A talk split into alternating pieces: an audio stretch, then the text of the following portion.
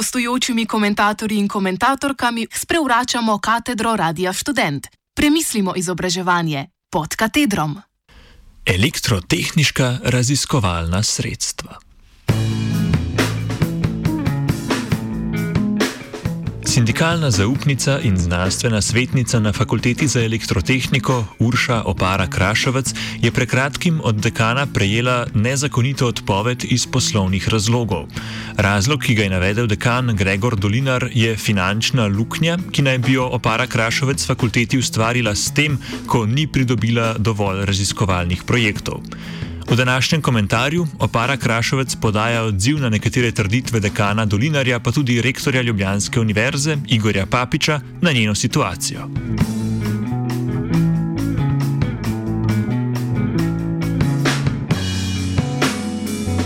Na tiskovni konferenci, ki jo je Višokošolski sindikat Slovenije pripravil v torek, je predsednik sindikalne zveze Pergam Jakob Počivalšek povdaril, da je odpoved sindikalne zaupnice brez soglasja sindikata nezakonita.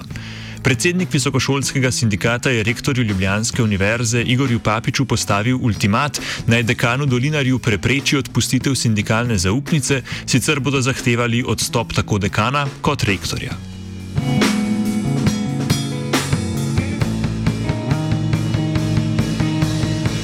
Rektor Papič se je tiskovne konference udeležil in zahteval besedo, ki pa je ni dobil. Zato je zunaj prostorov sindikatov novinarjem zatrdil, da je dekana že pozval naj prekliče odpoved, a da ne želi reagirati preostro ali prehitro, da ne bi fakulteti ustvaril še večjega minusa, kot naj bi ga, po njegovem mnenju, ki ga deli z dekanom Dolinarjem, ustvarila raziskovalka Opara Krašovac.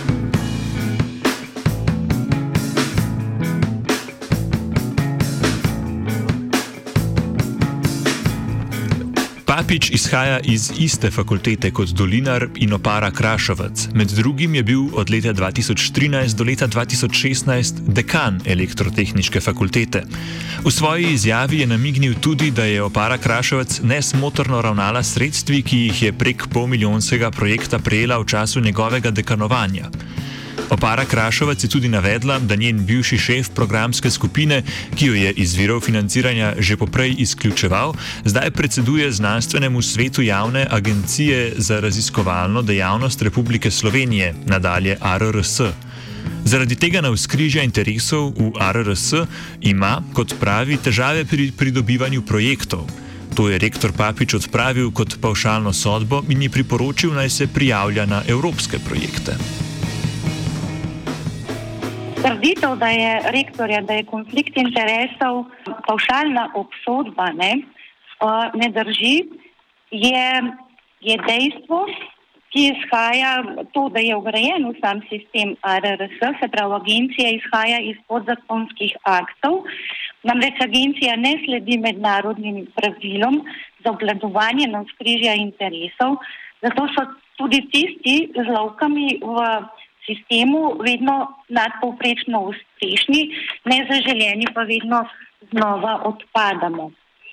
Kar pa se tiče mednarodnih projektov in pridobivanja mednarodnih projektov, naj spomnim rektorja na zavrnjen podpis pristopnega pisma in sicer pristopa Univerze v Ljubljani k novi inicijativi Evropske, Evropske komisije na področju sončnega goriva, To željo sem naslovila v juliju 2019, takrat sem se namreč že dogovarjala za sodelovanje na enem izmed evropskih razpisov.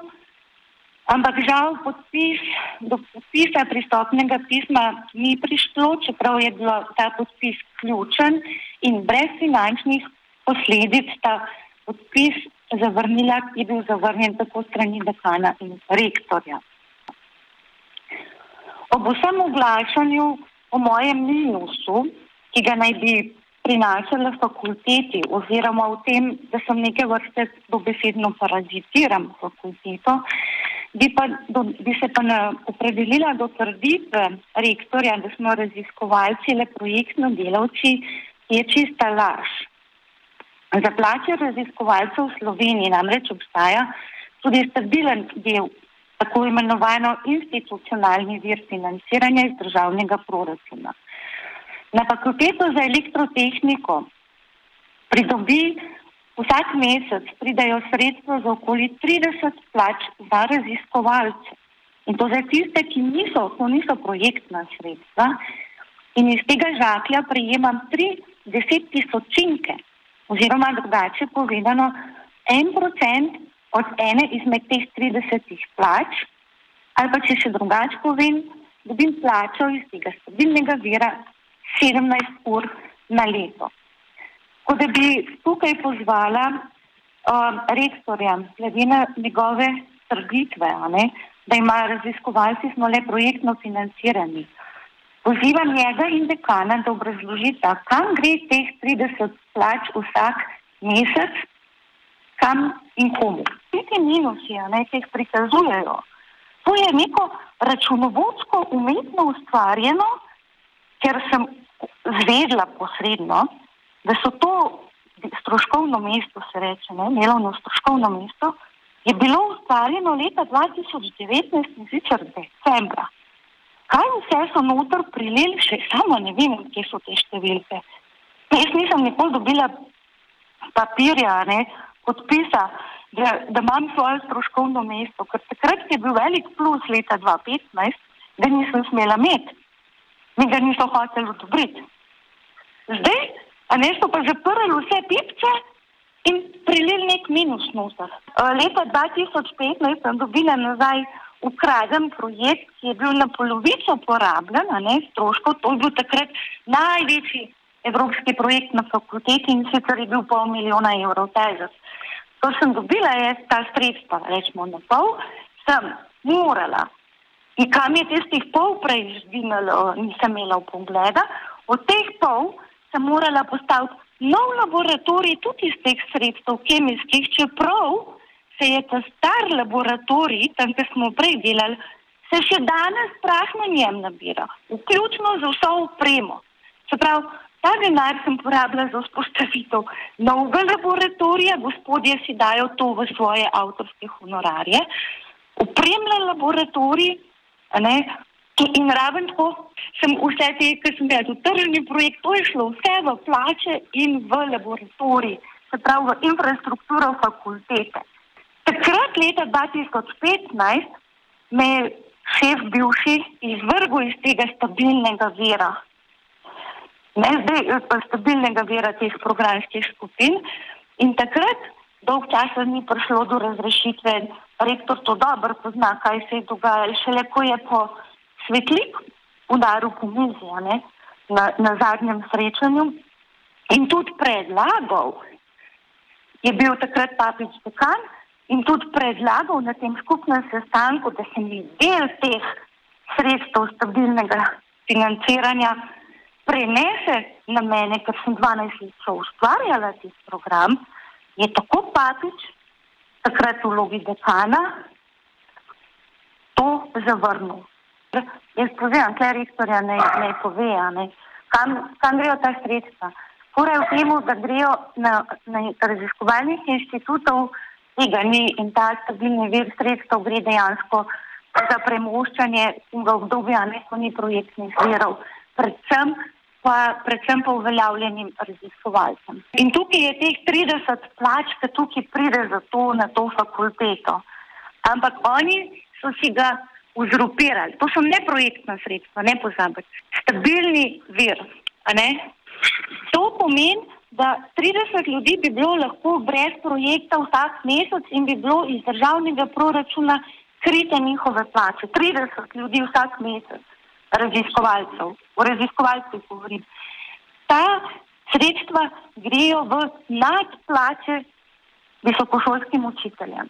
Morate pa vedeti, da visokošolski učitelj ne, je šest ur v predavalnici in pol pravijo, da ja, noč ne dela šest ur v predavalnici. Ja, ampak na njegovi plači je tudi med 30 do 50 odstotkov plače namenjeno za to, da raziskuje.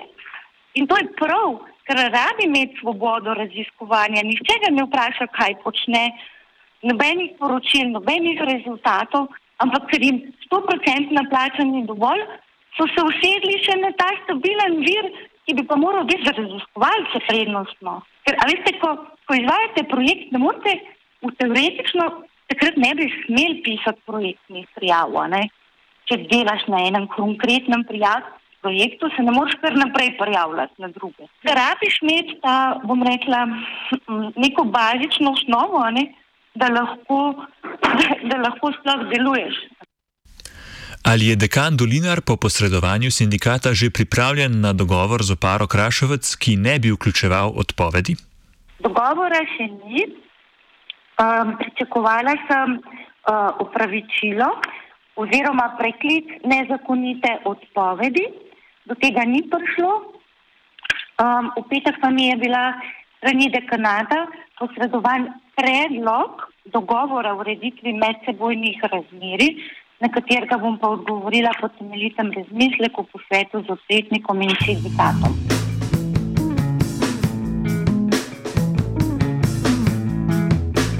O porabi raziskovalnih sredstev se je spraševala Hanna R.